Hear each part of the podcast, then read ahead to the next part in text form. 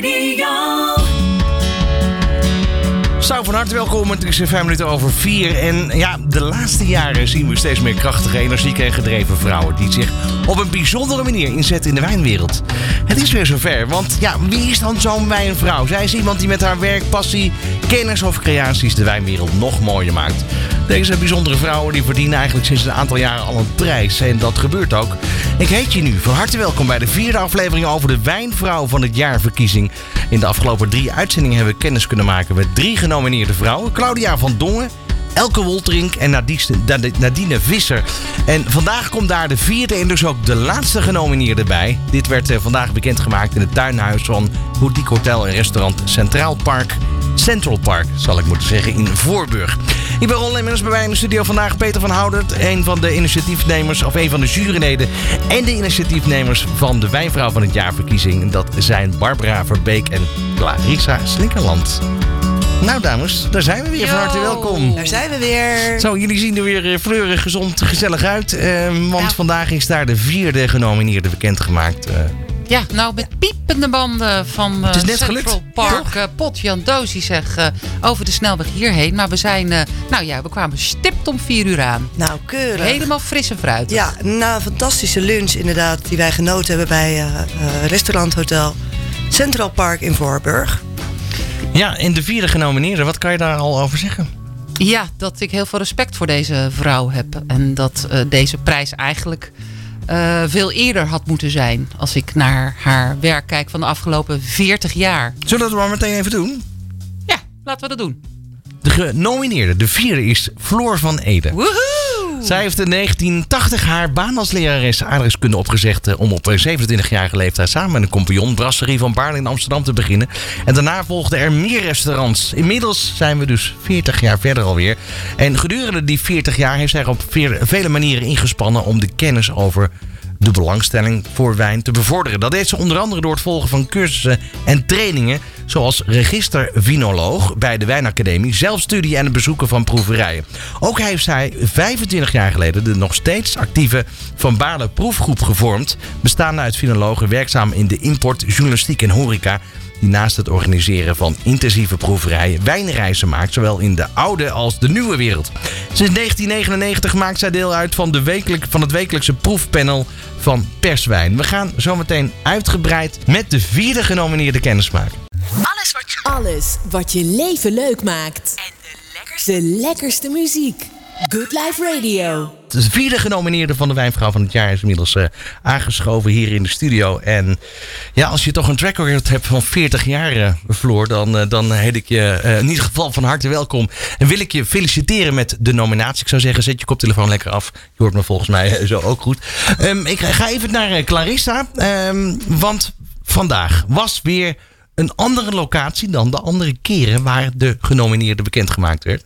Uh, je zei het al eventjes, een uh, bijzondere plek hè? Ja, een hele bijzondere plek waar wij uh, vanmiddag te gast waren. Bij Central Park in Voorburg. Een prachtig oud, landhuis. Um, heel mooi gelegen. heel bekend ook. En ja, daar waren wij dus uitgenodigd om de vierde nominatie bekend te maken. En daar hebben we geluncht en daar ook prachtige wijnen gedronken. Het was een super goede match ook met de plek, omdat Central Park Voorburg uh, onlangs een uh, award heeft gewonnen uh, in de wijnwereld, Wijnspectator. Ja. wat inhoudt dat zij een heel bijzondere en goede wijnkaart hebben. Dus hartstikke leuk dat we daar terecht konden. En ja, we hebben genoten met z'n allen. En nou ja, wat Barbara al zei, toen met uh, gierende banden hierheen. Ja, straks verderop in deze uitzending gaan we natuurlijk vooruitblikken op de finale. Die vindt plaats bij Gastvrij Rotterdam. Ja. Ook heel bijzonder eigenlijk, want daar eh, komt alles samen eigenlijk als het aardig. Ja, dinsdag 21 september om 5 eh, uur dan gaat het, dan gaat het beginnen. ik ben bezig ook met de invulling van de grote finale. En ja, ik ben heel erg blij en opgelucht dat we nu ook vier genomineerden hebben. Ik ben bijzonder trots ook op ons allemaal. Hè. Dus de organisatie, de jury, alle mensen die ons een warm hart toedragen. Dat we hebben het wel gefixt. Zo dwars door die corona heen. Trouwens, jij ook ontzettend bedankt. Want jij hebt ons ook eigenlijk geloodst door corona Nou ja, en ik ging van een stem. kleine proeverijtje naar, naar proeverijtjes. Ja, eigenlijk ja, toch? ja, dat vond ik ook wel leuk. Goed, ik eh, wil er toch even naar Floor. Ehm, eh, straks uiteraard nog ook Peter van Hout hier eh, in de uitzending. Eh, en eh, met Peter hebben we het al eens een keer eerder gehad over de, de situatie in de wijnbranche. En eh, daar is wel het een en ander over aan de hand. Dus daar gaan we het zo over hebben. Eerst aan jou, Floor. Ehm, ja, je zegt je baan niet zomaar op, toch? Eh, om, om vanuit aardrijkskundelerares dan in één keer de horeca in te gaan. Nou, dat is niet helemaal waar. Au. Ehm, kijk, toen ik studeerde heb ik natuurlijk altijd in de horeca gewerkt. Dat vond ik eh, heel erg leuk. Vooral de afwisseling met het studeren. Het is, eh, het is een georganiseerde chaos, zeg ik altijd. En voordat je als gast je op je gemak voelt en dat het leeft en dat het bruist en dat je lekker eet en lekker drinkt, moet er heel veel achter de schermen gebeuren. En na een aantal jaren lesgeven, daar komt bij, ik heb ook jaren voor de KLM gewerkt, wat ook iets heel geweldigs was, want daardoor zag ik de meest geweldige horecaconcepten. Eh, mijn favoriete plek was New York. En dan praat ik echt over meer dan 40 jaar geleden. En daar gebeurde het gewoon 24 uur. En dat heeft eh, ons, in die tijd werkte ik met iemand samen, heeft enorm veel inspiratie gegeven. En dat is eigenlijk de basis van wat Brasserie van Baarle was. Want in die tijd, moet je je voorstellen, dat was een hele stoffige toestand. Dat, dat, kan je, dat is bijna niet te bedenken. Want het horeca-landschap, zeker in Amsterdam, is zo enorm veranderd. Eh, je had, ja, wat had je? Je had eh, hotels en je had chique restaurants. En clubs. Ja, ja en clubs. Ja, maar goed, daar, clubs? ja, Nee, ja, clubs. eh, ja, je ging naar de, di- de discotheek. de discotheek. Dat bedoel je, om Ja, te dansen. ja. dat was er toen in die tijd. En wij wilden iets anders. Wij wilden, eh, wij vonden lunchen al, vonden we al heel, eh, ja, dat vonden we wel speciaal. Ontbijten. Er was toen een tijdschrift dat heette De Man. En daar werden werkontbijten werden daarin eh, genoemd. Nou, dat vonden we ook heel stoer. Dus daar zijn we ook mee begonnen. Maar het had alleen tot gevolg dat we klandizie kregen... wat wel in het begin leuk was. Het waren heel veel reclamemensen. Die hadden ontdekt dat de Brasserie van Baarle al vroeg open ging. En die, die hele hedonistische jaren van de jaren tachtig... betekende dat wij al om half negen klop, klop, klop... jullie zijn toch open? Die hadden de hele nacht door gestapt, gechilled, hoe je het wil noemen... en kwamen bij ons nog even verder. Maar goed, dat is even helemaal het begin. Uiteindelijk zijn er eh, meerdere zaken gekomen. Een, een tweede zaak, een derde zaak, een vierde zaak, een vijfde zaak. Ze hadden altijd iets te maken met een fase in ons leven. Ehm, dat, eh, we hadden ook altijd teams die in die brasserie werden opgeleid. En eh, die die formules voor ons dan je- hoe je het dan wil noemen. En daar was wijn natuurlijk heel essentieel in. Eh, ik heb altijd gezegd, jongens, het begint bij leren, proeven, theorie, praktijk, smaakgeheugen opbouwen. Dat is de basis van wijn kunnen beoordelen. En dat was in al die verschillende zaken belangrijk. In die brasserie, nog steeds, is het het meest uitgebreid. Kom, komt daar toch weer de voormalige aardrijkskundelerares om de hoek kijken... die toch die informatie en, en al die kennis op een passievolle manier weet te delen... met ook je medewerkers natuurlijk. Ja, absoluut. Absoluut. Eh, mensen die bij mij werken, die gaan op wijncursus. Die proeven elke dag. Ehm, die, ik laat ook weer anderen komen, vreemde ogen dwingen, eh, zei mijn moeder altijd. Dat die dan ook weer een, een les voorbereiden. Dat kan, dat kan van alles zijn. Natuurlijk liefst in principe mijn wijnkaart. Ik neem ze mee naar... hoe belangrijk is de wijnkaart voor jouw restaurants? Ja, die, dat vind ik gewoon gelijkwaardig Aan eten. aan het eten. Kijk, het moet allemaal wel kloppen. Hè? Je, je wijnkaart moet kloppen met dat wat jouw keuken voert. En ongeacht wat formule je ook hebt, dat moet altijd te geheel zijn. Het heeft geen zin om een bijbel van een wijnkaart te maken en je hebt eetcafé-achtig eten. Dat, dat, ja, nou heel exceptioneel, maar in principe werkt het niet zo. Dus het is heel belangrijk. Het kan ook een bedrijf echt een lift geven. Je kan met sommeliers, en ik, ik wil altijd meewerkende sommeliers hebben. We gaan niet heel stijf daar eh, met, met die fles staan. Ehm, die hard meewerken en die dat ook, het, moet als het ware, het moet ik zeg altijd, jongens, het moet dansen. Het moet swingen. Het moet, uit die keuken moet het gewoon het tempo komen. En wij moeten daarop anticiperen. En, en, en eh, ook dat is heel erg veranderd. We werken nu met magnums. We werken met de Coravin. Om even een chic wijnwoord van stal te halen. Daar kan je dan hoge wijnen, gasten mee. Kan je ze dan wijnen laten proeven.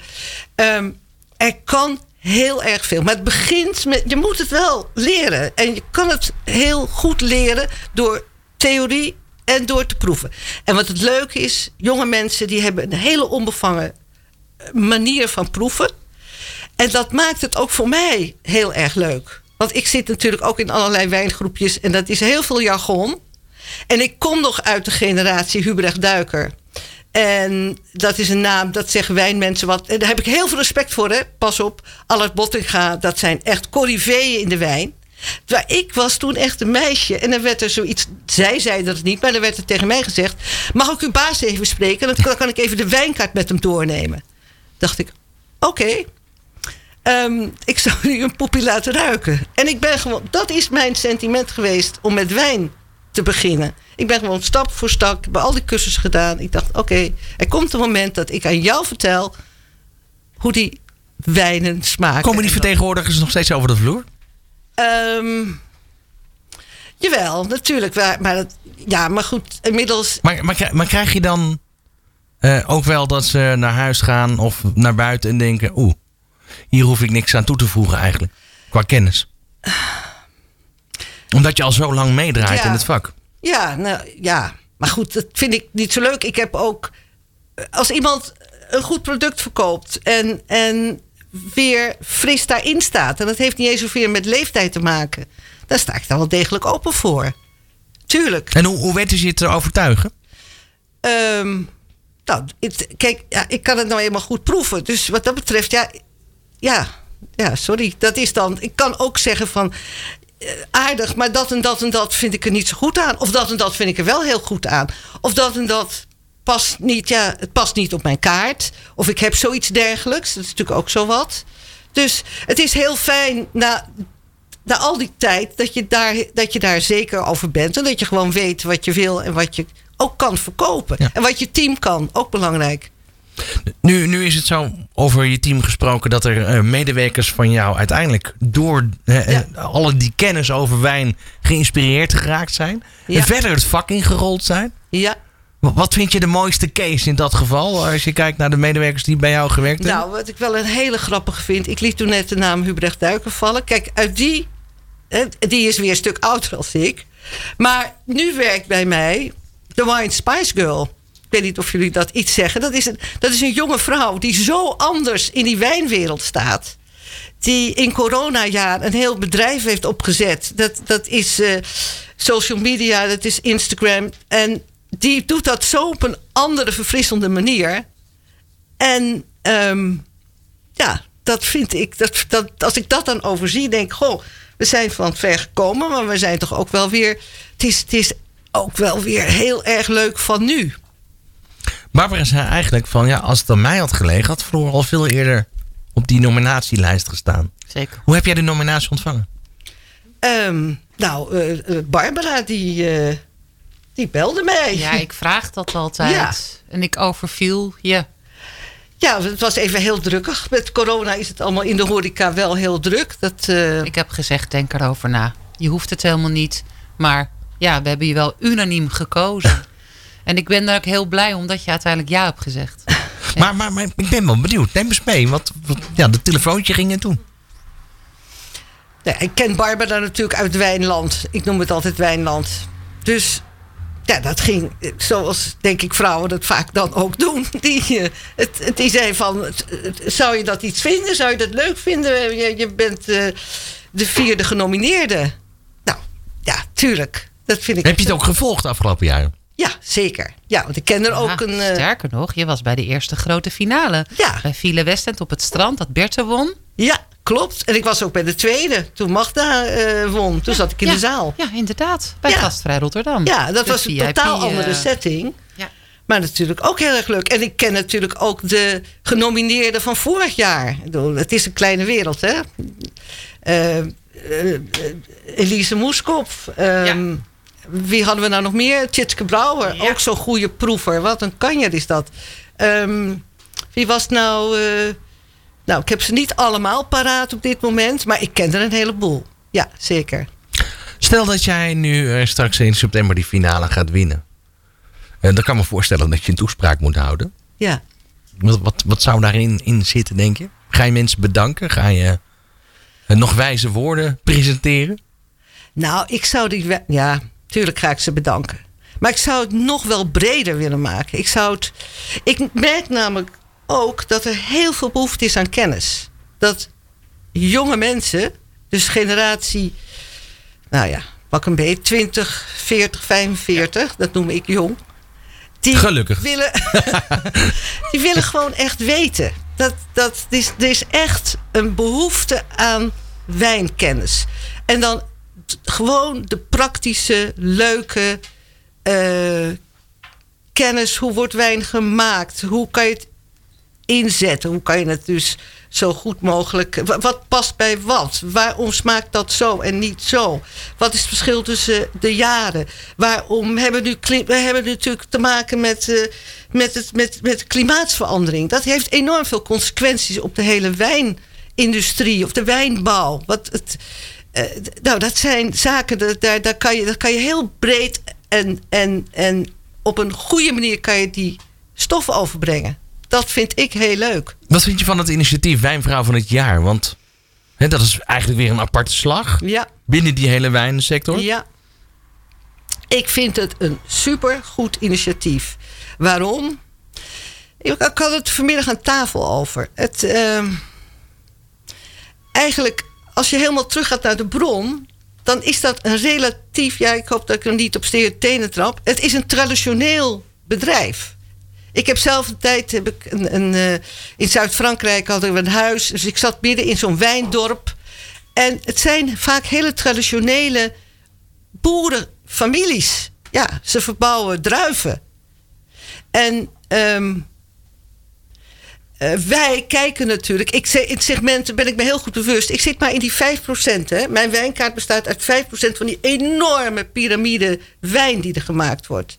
Er wordt zo ongelooflijk veel wijn gemaakt. Er wordt steeds meer wijn gemaakt. En ehm, door de bomen het bos te zien, dat is al heel wat. Maar ehm, eh, ik denk dat daardoor, doordat die basis zo traditioneel is, dat ook dat wat er allemaal verder boven komt, dat dat ook relatief traditioneel is. Het is niet een hele hippe branche. Come on, dat kan Maar, maar je, geeft net aan dat. Wel, misschien. Ja, precies. Maar je geeft aan eh, vloggen, ehm, een Ja. andere frisse kijk. Ja. Maar is men dan adaptief genoeg? Ehm, nou ja, dat, dat moet er- Wat moet komen? dat, moet, dat is onze taak. Dus, daar- er is Ja. al een heleboel gebeurd, hè? Is al een heleboel gebeurd. Ik bedoel, ik, de derde eh final, eh, eh, genomineerde, dat vind ik dus heel leuk. Ja. Daar kijk ik naar. Dat Ja. meisje, wat, ze heeft eh, de eigen club, ze, ze blogt, ze vlogt. Eh, prima. Dat zou ik ook gedaan hebben. Die, die als ik, zie eh, je letterlijk groeien, Nadine. ja, ja. ja. vind ik echt een, ja, goed, eh, vind ik echt een supergoeie genomineerde. We gaan zo meteen eh, verder praten, ook met jou. Ook met Peter van Houten, die schuift zo meteen aan. En dan gaan we het ook wel hebben over de situatie in de wijnwereld anno nu. Alles wat je, Alles wat je leven leuk maakt. En de lekkerste, de lekkerste muziek. Good Life Radio. Eh, We zijn eh, bezig met de, de wijnvrouw van het jaarverkiezing. Althans, hè, op naar de finale. Straks in eh, september. Eh, Barbara, eh, inmiddels eh, hebben we ook eh, Peter van Houten weer eh, in de studio eh, ontvangen. En eh, dat is altijd een fijn moment. Zeker. We eigenlijk weer een slok nemen? toch? Ja, want ehm, hij heeft weer een heerlijk fles. eh Wat heb je meegenomen dit keer? Anjala. Anjala Champagne Brut Majeur. Eh Anjala Champagne Brut Majeur. Eh, dus de, ja, de sponsor ook van eh, Wijnvrouw van het Jaar.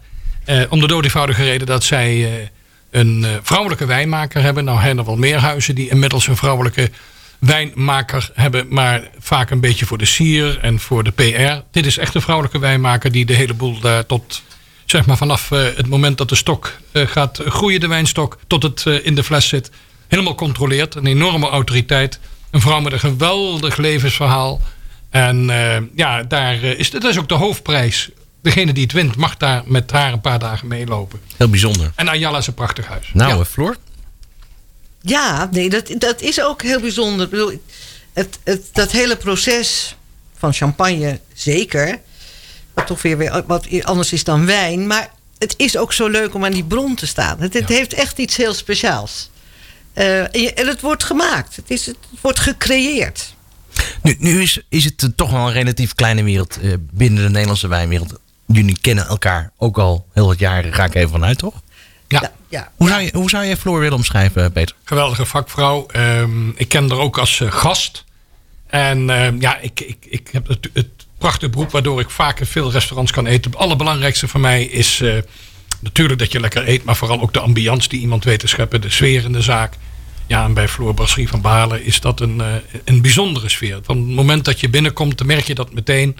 De liefde voor het vak, maar ook de manier waarop ze daar werken, is fantastisch. En Hoe zou je die, sfeer willen eh, omschrijven? Professioneel, vind ik heel belangrijk. Het is, het is professioneel, maar het is ook ontzettend warm. Het moet niet te amicaal zijn. Je bent, ook, eh, je bent ook als gast en er moet niet iemand continu om je tafel heen lopen te springen. En, eh, maar het moet wel, eh, je moet het gevoel hebben dat je welkom bent. Het gevoel dat men het fijn vindt dat je daar zit. En eh, ja, wij hebben daar jarenlang eh, met een hele goede vriend, die ons helaas ontvallen is, eh, altijd voordat we naar de muziekuitzendingen gingen, eh, geluncht of eh, gedineerd.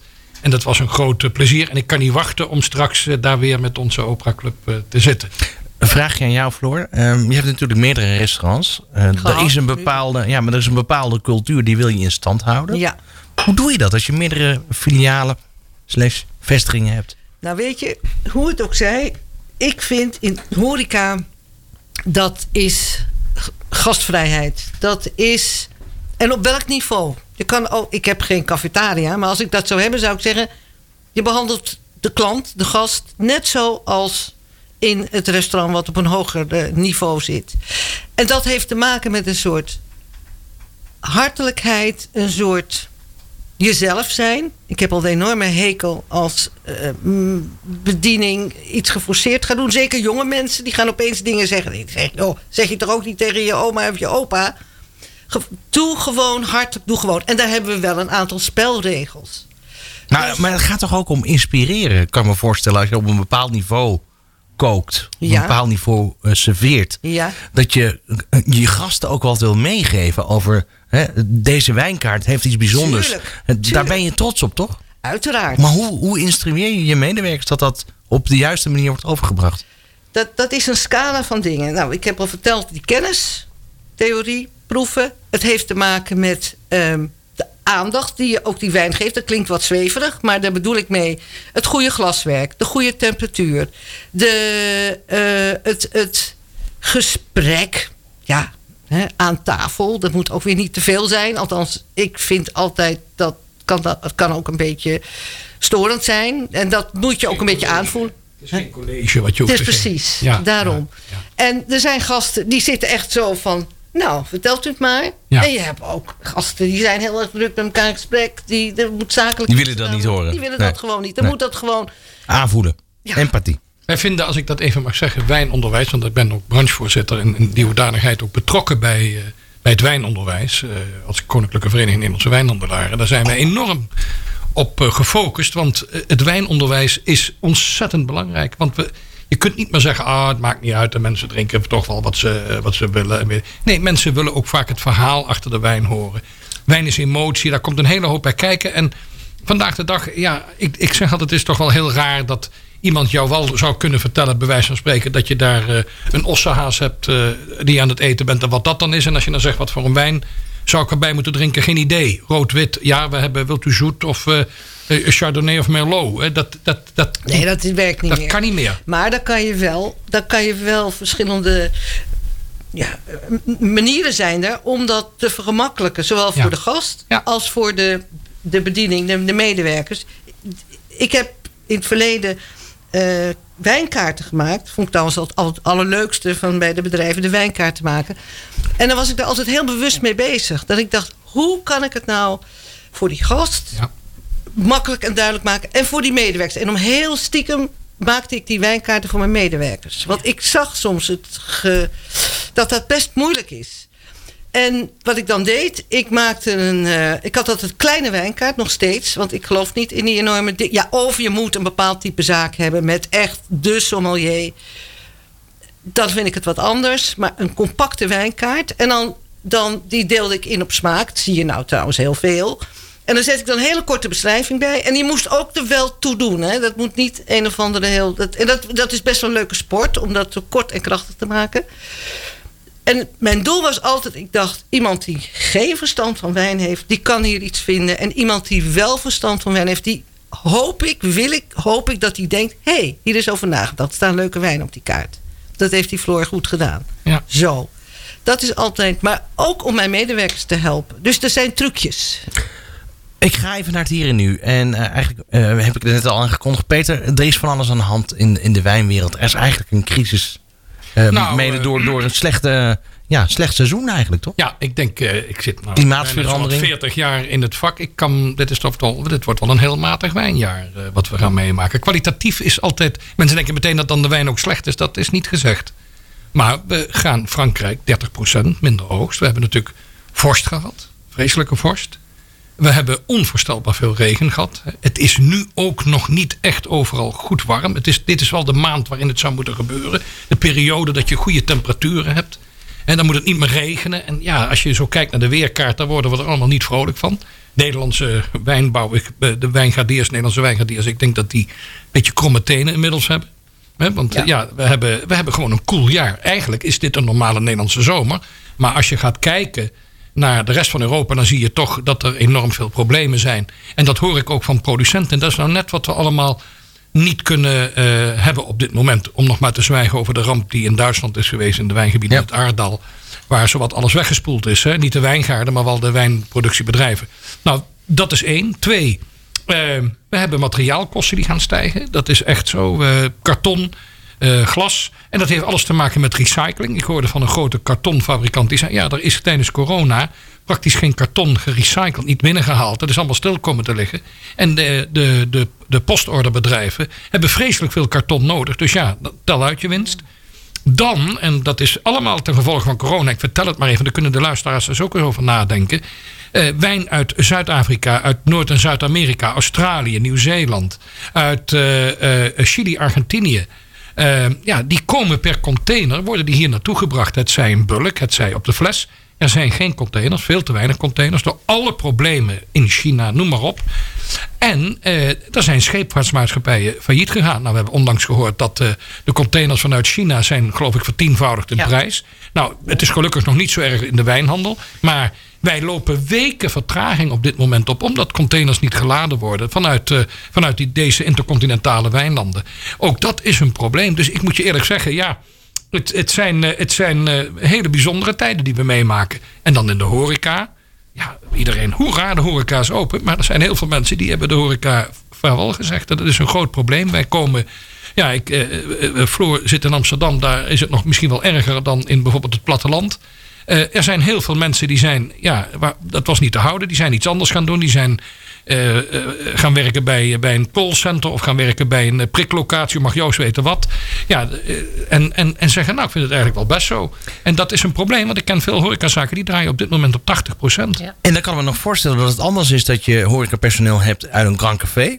Dan in restaurants Ja, waar ook ja. enige kennis nodig is. Vakbekwaam Eh, personeel is op dit moment echt Ja. een heel groot probleem. Ik ken restaurants die lopen te schreeuwen om keukenpersoneel. Ja. En goede chefterangs eh in, hun, in hun restaurant, vrouwelijk, mannelijk. Om echt professioneel te kunnen bedienen. Wat, Ja. wat, wat, wat zou, ehm, ik bedoel, de oplossing is dat corona verdwijnt. Maar inmiddels weten we ook wel dat dat voorlopig niet gaat gebeuren. Nee. Maar wat, wat zou nu voor nou, middellange termijn de oplossing kunnen zijn om het toch weer aan de gang te krijgen? Is dat toch vanuit de overheid meer garantie op een langere duur, eh, waardoor horecabedrijven weer kunnen aansterken?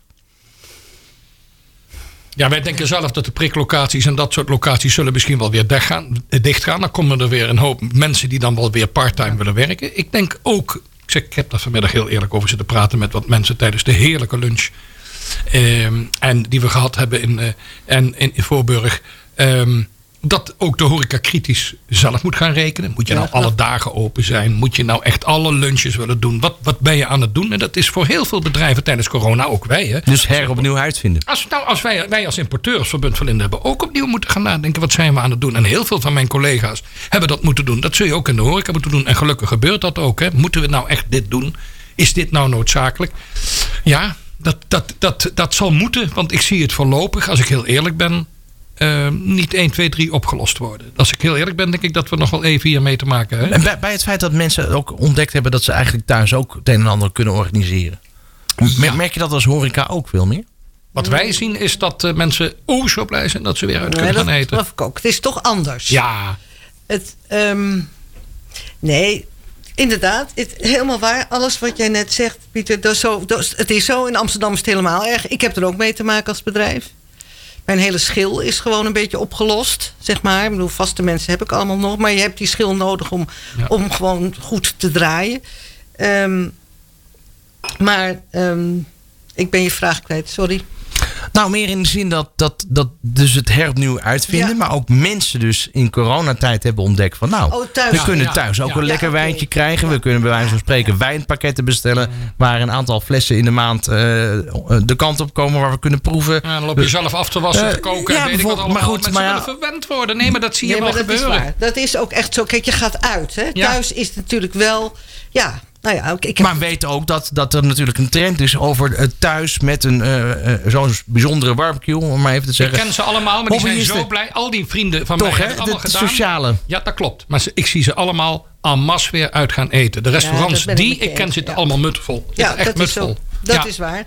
Wat misschien een trend wordt, dat zie ik ook wel, dat in het hogere segment, dat, maar goed, dan moet je wel weer de mensen hebben, dat chef-kok zich uit thuis, thuis komen dus koken. bij iemand ja, komen ja, koken. ja, dat, dat, zie je weer ja, wel. ja. Dus dan kan je thuis je feestje Ja. en je jurkje en, en je Ja, aankleden. du- dus vandaar mijn vraag ook. Natuurlijk eventjes kijken naar, je ziet overal allerlei marktsegmenten. Iedereen is door corona elkaar toch opnieuw aan het uitvinden. eh, scherper naar elkaar kijken, kritischer kijken, kijken of het anders kan. Dat is ja, eigenlijk dus je wat een heel nieuwe is? vorm. Er zijn nu meer horecabedrijven dan voor corona. Dat hoorde ik onlangs op het nieuws. En dat is natuurlijk verbijsterend. Dan denk je, iemand begint weer een zaak, begint weer voor zichzelf enzovoort, jongens. Ja, nou ja, goed. We Heel moeten daar heel kritisch naar kijken. Overigens is het geen Nederlands probleem. Eh, Ik lag laatst, las laatst een heel interessant artikel in een wijnblad over de sommeliers eh, crisis in Engeland. Ook zwaar tekort. Ook daar ja. hebben ze hetzelfde. Ja. Veel mensen die het vak verlaten hebben. Kijk, eh, ja, het is. eh, Kijk, horeca. Ik kom zelf uit de horeca. Ik heb nooit gedacht dat ik ooit de wijnwereld in zou stappen. Maar het is gelopen zoals het gelopen is. Ik, ik ben gek op dat vak geweest. En ik zou het morgen zo weer willen doen. Hè. Ik, bedoel, ik heb nu ook een fantastisch beroep. En het is zo gelopen, nogmaals.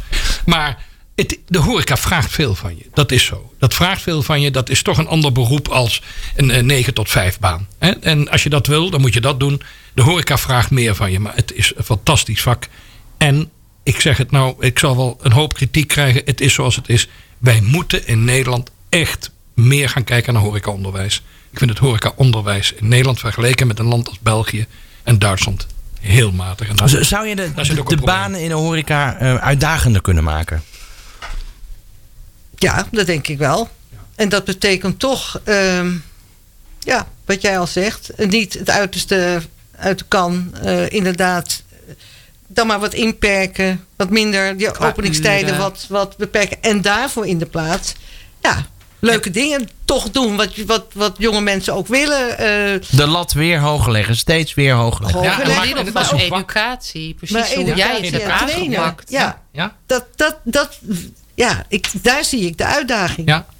En natuurlijk moeten de mensen moeten ook goed beloond worden. Het, eh, ja, het moet sociaal ook, ook, ook allemaal kloppen. En daar, daar mankeert nog wel het een en ander aan. Ik- er zijn dingen, ja, ik ga nou. eh, ja, ik weet het niet of ik dat allemaal moet zeggen. Maar ik, ik heb me wel eens verbaasd over de wetgeving, over het contracten. Hoe makkelijk dat. Toen dat eh, had je hele ketenscontracten en die begonnen dan weer van vooraf aan. Ik denk, ja, zo jaag je ook, eh, ook Ja. de mensen het vak Ja, uit. Absoluut. Absoluut. ja. Dus het, het, het hm, ja, oké. We moeten nog een hoop eh, uitvinden, ja. Ehm, ik wil nog even naar Peter tenslotte. Ehm hoe kijk jij richting de finale in september? Ik verheug me er enorm. Alle, op. Allereerst dat we een geweldige beurs hebben, Gasvrij Rotterdam. Dat vind ik al een geweldig eh, iets. Want het is toch de eerste beurs die we met z'n allen gaan meemaken. En ja, dat is, eh, dat is fantastisch. Eh, en twee, ja, ik denk dat we een geweldige vier kandidaten hebben. Ik moet eerlijk zeggen dat ik, Barbara en Clarissa en Beerte en ik als jury, samen met Magda, we hebben allemaal een beetje zitten filosoferen. We Ik hebben heb- geen idee. Ik heb pijn in mijn buik ervan Ja, ja, als ik een ja. beslissing moet maken. Ja. Omdat ze alle vier zo uniek Zo- zijn en zo uniek, hun ja. eigen Ja. werkgebied hebben. En ik Dus, zou ze eh, liefst alle, alle vier Ja. eh, wijnvrouw van het jaar maken. Ja. We moeten een keuze Alle vier maken. in een maar doosje willen ik, doen. eh, ik moet echt zeggen, de lat ligt dit jaar heel hoog. En ik ben benieuwd hoe we dat volgend jaar gaan oppakken. Nou, dat zou- wordt weer een uitdaging. Ik zou zeggen, luister die uitzendingen Ja, nog even terug, nou. hè, alle verhalen. Helpt ook voor je geheugen Ja, natuurlijk. geweldig dat Floor. Hè, want ik bedoel, eh het is ook een andere generatie. En die generatie is wat meer mijn generatie. En eh, ik herken eh, zo ontzettend veel. Ja. ja, wat dat betreft prachtig. Floor, in ieder geval eh, eh, ja, heel fijn dat je hier was in de studio. Ehm, ja, in september de finale. Ik wens je daar veel succes bij. Wij gaan zo meteen eh, praten met Marlies Schijns van Gastvrij Rotterdam. En ja, dan gaan we ook horen wat daar nog meer allemaal te doen is in september. Alles wat je, alles wat je leven leuk maakt. En de lekkerste, de lekkerste muziek. Good Life Radio. In september is het dus eindelijk zover de finale van de Wijnvrouw van het jaarverkiezing van eh, 2021. Barbara, eh, ja, je zei het net al, jullie mogen trots zijn op hoe het is verlopen. Ondanks alle perikelen die we gehad hebben vanuit eh, corona. Ja, mede, mede dankzij ook de uitzendingen met Good Life Radio. eh, eh, de, de, de, de kleine eh, eh, nominaties, hoe zeg ik dat? Hè? Bij de Hotel eh, New York met de, de Oesterbar. Ja, de de verschillende evenementen die we natuurlijk toch, toch Ja, hebben kunnen steeds doen. kleiner, van 8 naar 12. Vandaag hadden we Steeds groter 15. dus. Ja, en nu, ja, jeetje, 21 september gaat het nog wel door. Ja, Ja, natuurlijk gaat het. En dat zou dan gaan plaatsvinden. En daar gaan we gewoon vanuit. De achtste editie van Gastvrij Rotterdam. eh 20 tot en met 22 september. In de studio Marlies Schijns eh, van Gastvrij Rotterdam. Goedemiddag Eh, allemaal. goedemiddag. Ja, ik, ik vind het zo vervelend. Maar je ontkomt er niet aan om toch weer over die coronasituatie te spreken. Want ik denk dat dat bij jullie ook alledaags eigenlijk voorbij komt, toch? Nou, dat, dat snap ik heel goed. En die vragen krijgen wij zeker ook. Ehm, en eh, voor mensen die eh, alle berichten horen van de overheid... die toch een beetje alles over één grote kam... eh, hoe zeg je dat? Schuiven. Scheren? scheren. ehm, dan moeten wij toch wel uitleggen dat een horecavakbar zoals eh Gasvrij Rotterdam is, behoort bij de doorstroom-evenementen. En een doorstroom-evenement moet je vergelijken als eh, naar de winkel gaan, naar de gamma, naar, nou ja, ik maak reclame, Ikea, noem maar op. noem maar op. en, of naar een museum of nog naar een kinderattractiepark. Ehm, en daar moeten we rekening mee houden dat we één persoon per vijf eh, vierkante meter binnen mogen laten. Wij weten hoe groot eh, de hallen zijn en de ruimte binnen Ahoy, waar we de mensen kunnen ontvangen. Dus we kunnen nog steeds duizenden mensen eh, als bezoekers en exposanten ontvangen. Dus dat komt helemaal goed. Ehm, maar er is natuurlijk ook gezegd dat op 17 september nog een persconferentie komt. Nou, we weten nog niet wat daar gezegd gaat worden. Eh, het kan eh, heel mooi uitpakken dat er anderhalve meter eraf gaat. Maar we gaan er voor nu vanuit dat dat mogelijk niet doorgaat. Dus we houden ons gewoon aan de regels die er zijn voor één persoon per vijf vierkante meter. Daar richten we alles op in qua crowd control. Om het zo goed eh, in de gaten te houden. Hoeveel mensen zijn er binnen. En het is ook aan de mensen zelf. Net zoals dat je naar een winkel gaat. Om te zorgen dat je op de gepaste afstand van elkaar blijft. Dus Gasvrij Rotterdam gaat door. 2020.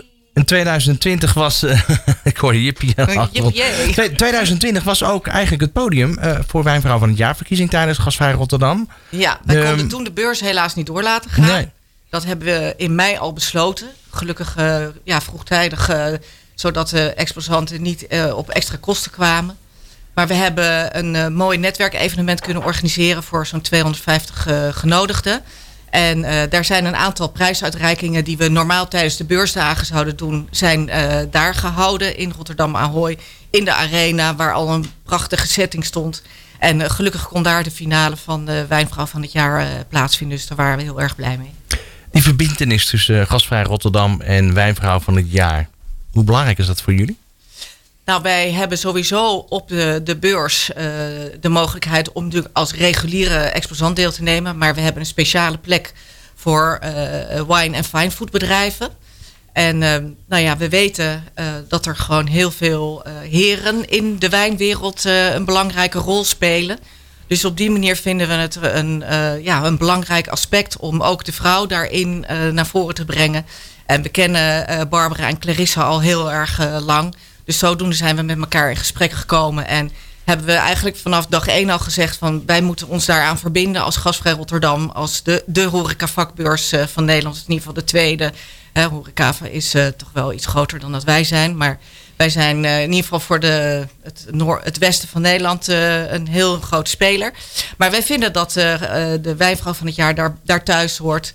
Wij willen graag het podium bieden. Wij willen graag dat al die vrouwen daar aanwezig zijn om daar nou ja, in de, in de picture te zijn. Ben, ben je de afgelopen jaren anders wijn gaan drinken? Eh, nee, ik ben niet een vinoloog, zeg maar. Dus eh, ik, ik hou graag van, de, van, de, van een wijntje. Maar toch door alle verhalen die je hoort. En ik heb ook die andere uitzendingen geluisterd. En zoals bijvoorbeeld ook Peter kan vertellen. eh, van, over de manier over wijn. En, en hoe je daar naar kijkt. En ja, dat maakt je op een andere manier bewust. Dus eh, zeker voor degene die onze beurs komen bezoeken. Kom absoluut in het Wine and Fine Food. En laat je daar inspireren. Laten we de beurs gewoon even erbij pakken. Wat, wat wordt speciaal, bijzonder deze editie? Eh, deze editie, eh, het is in de vier hallen in eh, Rotterdam Ahoy. We hebben dit jaar eh, wederom een Dit smaakt naar meer paviljoen. Dat is eh, alles voor biologisch duurzaam, dus zeg maar het groene paviljoen. Vorig jaar zijn, of in 2019 gestart met een vegan taste lab, hè, opkomende eh, ja, stroming om, om veganistisch te eten. Nou, die is ook dit jaar weer aanwezig. Echt eh, vol met allemaal hele interessante nieuwe producten. Eh, nieuw is het formule- en franchiseplein. Omdat er zijn toch door corona veel ja, ketens van franchise-formules... die een uitbreiding zoeken. En eh, wij dachten, van, nou, laten we ook voor hen een podium creëren... waar de franchisegevers in contact kunnen komen met franchise-nemers. En om zo uh, ja, hun ketens te, te kunnen uitbreiden... Uh, en we hebben een cocktails en beans. Dus dat is speciaal voor de barista's en de bartenders. En daar worden ook allemaal ja, jam sessies en, en, demonstraties gegeven. En is het voor iedereen toegankelijk? Het is niet voor consumenten. Het is voor vakbezoekers, horeca mensen, de eigenaren en managers in de horeca. Op, zich als mensen contact hebben met hun leveranciers, met branchepartners, met mediapartners, dan kunnen ze aan een registratiecode komen om zich te registreren voor een bezoek. Um, ja, en dan zijn ze van harte welkom. Nou, Monique, dankjewel dat je hier was in de studio. Veel succes met de voorbereidingen. En ja, laten we ervoor gaan dat het, dat het allemaal doorgaat. Barbara, tot slot. Ja, ik wilde toch nog even wat zeggen tegen alle wijnvrouwen die luisteren jullie kunnen mij bereiken via Facebook of gewoon op 06. Want jullie zijn hierbij uitgenodigd op Gasvrij Rotterdam. En met name de grote finale van Wijnvrouw van het jaar. Dinsdag om 5 uur in ons wijntheater. Dus uh, mail, me, app me uh, en ik stuur jou een kaart toe. Ja. Tot zover deze uitzending. Dank jullie wel dat jullie waren in de studio. Wordt vervolgd. Want die finale Zeker. is natuurlijk een sluitstuk. Zeker. En, en, en Clarissa? iedereen voor stemmen vanaf. Zo, dat is even vandaag. belangrijk.